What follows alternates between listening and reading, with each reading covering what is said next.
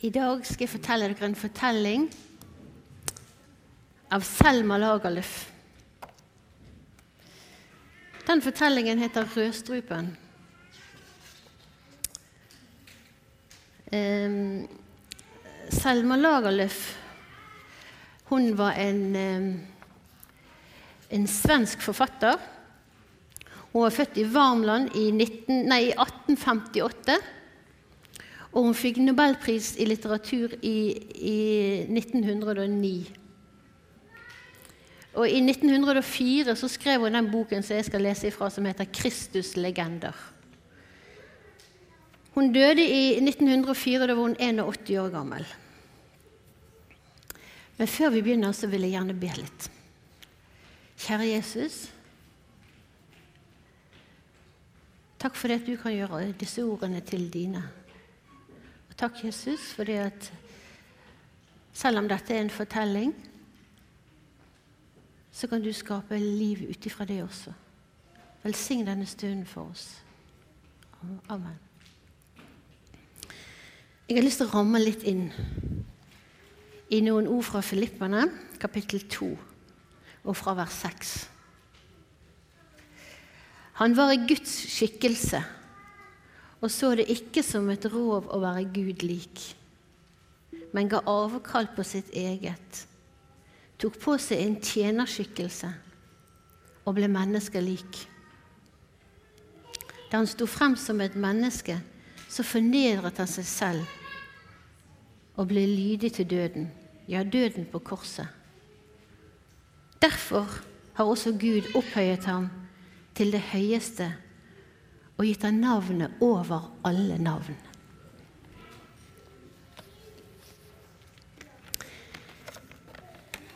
Det var på den tiden da vår Herre skapte verden, at han ikke bare gjorde himmel og jord, men også alle dyrene og vekstene og ga dem navn. Det finnes så mange historier fra den tiden, og dersom jeg kjente til dem alle, så ville en ha forklaring på alt det i verden som en ikke kan forstå. Og det var da det hendte, mens Vår Herre malte fuglene, at det tok slutt i Vår Herres fargeskåler. Og stilisten hadde blitt grå hvis ikke Vår Herre hadde strøket alle penslene ut på vingene deres. Og det var da eselet fikk de lange ørene sine, fordi de ikke kunne huske hvilket navn det hadde fått. Det glemte det så snart det gikk ut på, de, på engene i paradiset. Tre ganger kom det tilbake og spurte hva det het. Og da ble vår Herre en smule utålmodig, tok eselet i ørene og sa, 'Ditt navn er Esel, Esel, Esel.' Og mens han sa det, så dro han ut ørene, så eselet skulle huske godt og høre bedre. Det var den samme dagen bien ble straffet. For da bien var skapt, tok han straks til å samle honning. Og dyr og mennesker merket hvor deilig det duftet, og kom og ville smake. Men bien ville beholde alt for seg selv. Og, og jaget bort alle som nærmet seg honningkaken, og stakk dem med giftige stikk. Dette så vår Herre, og øyeblikkelig kalte han byen til seg og sa:" Jeg ga deg gaven til å samle honning, som er det deiligste av alt det skapte. Men dermed ga jeg deg ikke retten til å være hard mot din neste. Husk nå at hver gang du stikker noen som vil smake på honningen din, må du dø. Det var den dagen sirissen ble blind, og mauren mistet vingene sine. Det hendte så mye merkverdig den dagen. Vår Herre satt der, stor og mild, hele dagen og skapte og mante frem. Og på kvelden så falt han inn og skapte en grå liten fugl. Ditt navn er Rødstrupe, sa han til fuglen, og satte han på hånden sin og lot han fly ut i verden. Den lille fuglen fløy noen runder rundt på jorden der den skulle leve. Men så fikk han lyst til å se på seg selv.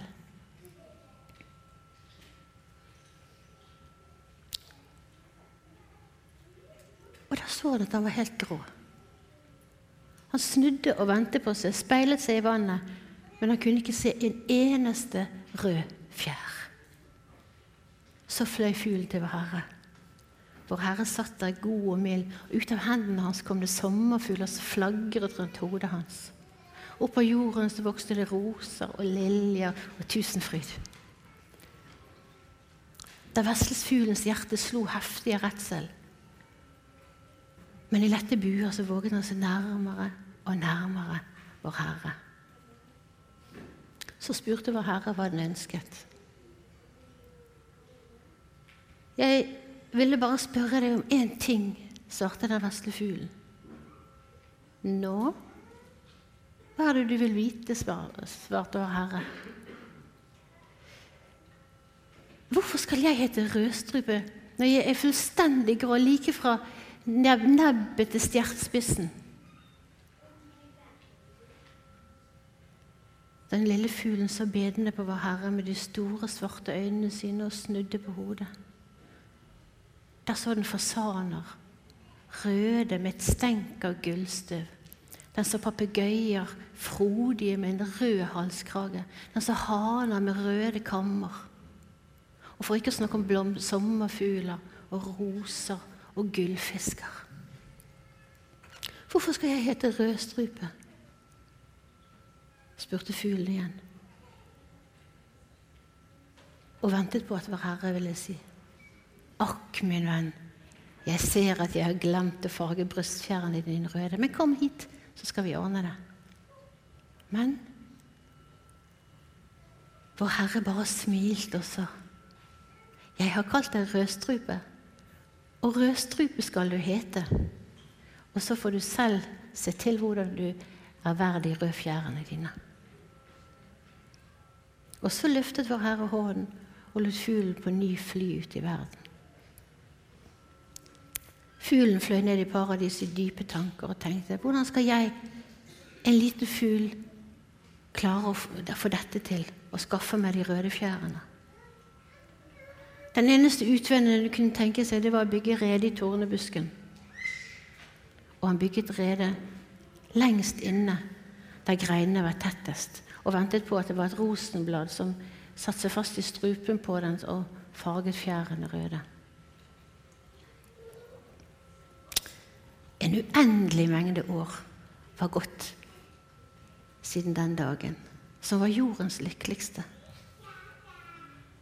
Siden da hadde både mennesker og dyr forlatt paradiset og bredt seg utover hele jorden.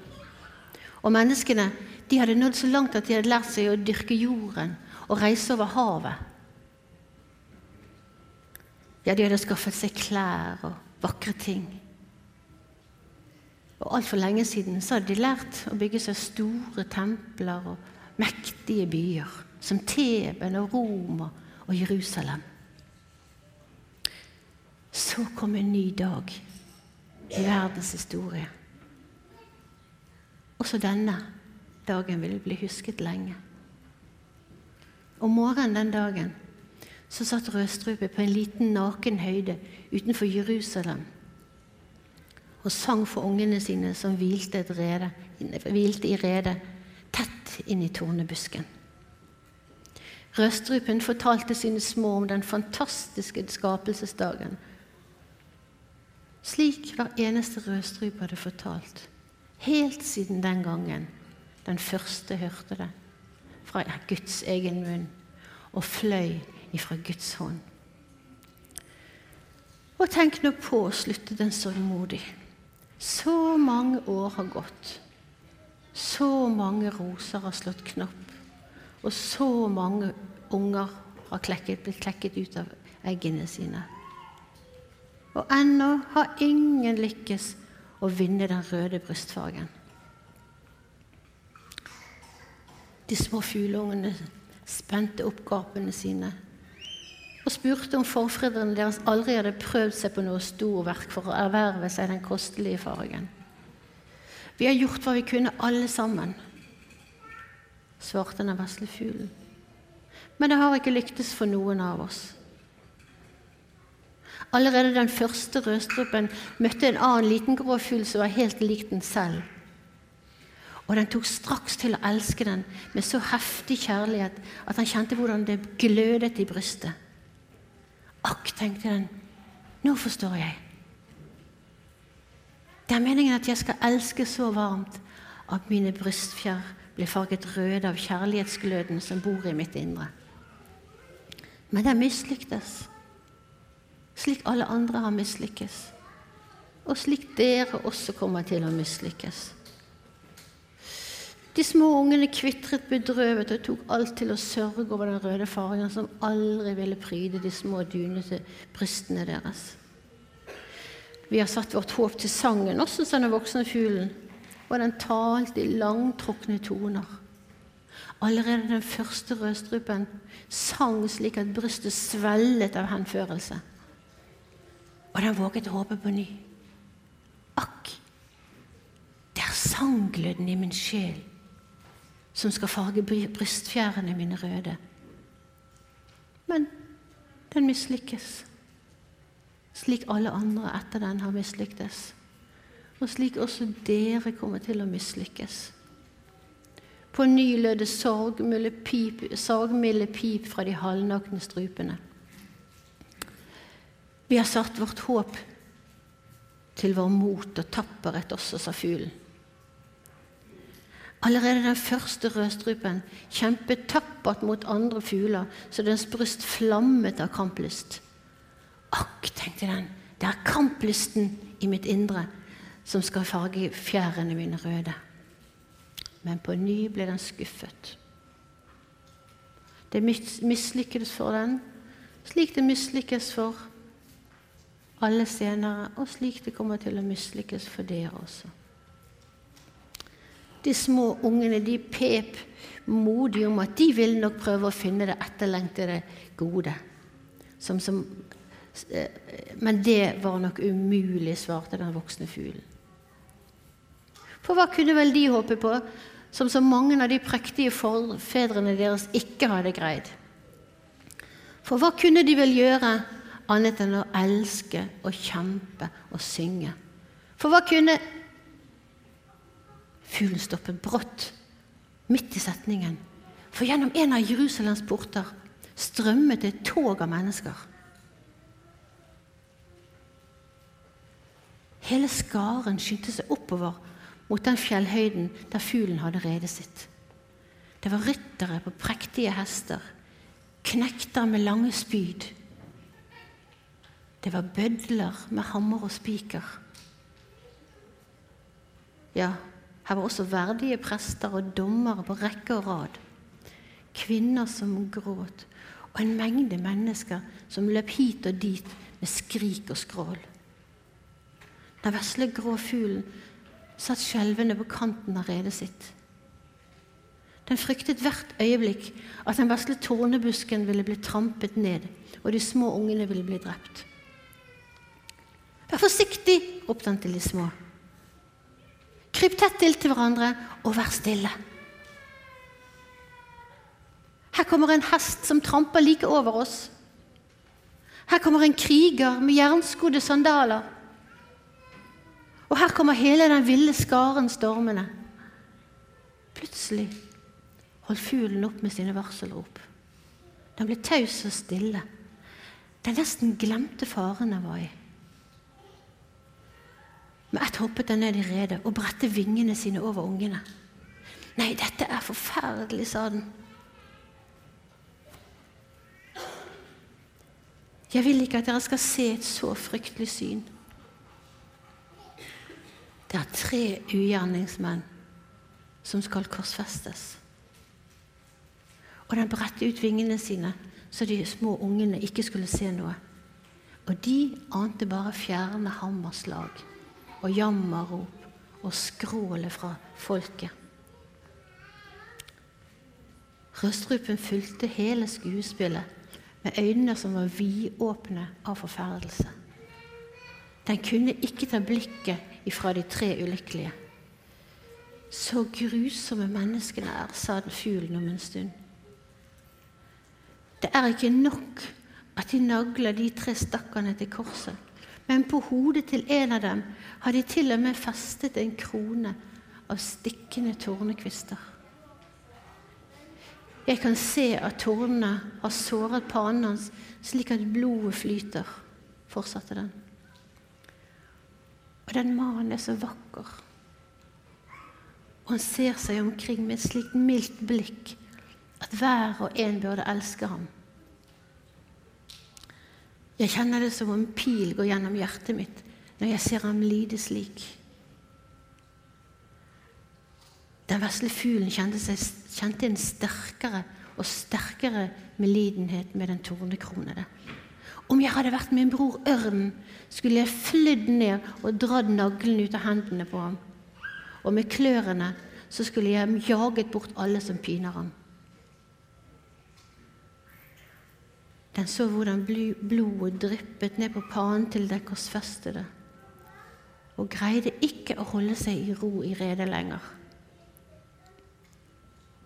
Vel er jeg liten og svak, men kanskje kan jeg gjøre noe for den stakkaren likevel, tenkte fuglen, og så løftet den seg fra redet og fløy opp i luften og kretset i store sirkler rundt den korsfestede. Gang på gang kretset den omkring uten å våge å komme nærmere, for det var en sky liten fugl som ikke våget å nærme seg mennesker. Men endelig tok han mot til seg, fløy like inntil og trakk med nebbet ut en skarp tårn som hadde trengt seg inn i den eh, korsfestedes panne. Idet den gjorde det, så falt det en dråpe blod ned på fuglens bryst. Og det spredte seg fort utover og farget de små, spede brystfjærene. Men den korsfestede åpnet leppene sine og hvisket til fuglen. For din barmhjertighets skyld har du nå vunnet det din slekt har strevd etter helt siden jordens skapelse. Så snart fuglen kom tilbake til redet sitt, ropte de små mot den. Brystet ditt er rødt! Brystfjærene dine er røde roser! Det er bare en bloddråpe fra den korsfestedes panne til den, stakkars mannen svarte fuglen. Den forsvinner så snart jeg bader meg i en bekk eller i en klar kilde. Men hvor mye den vesle fuglen badet, så forsvant aldri de røde brystfjærene. Og da de små ungene var blitt fullvoksne, lyste den blodrøde fargen på deres bryst slik den lyser på hver eneste rødstrupe inntil denne dag.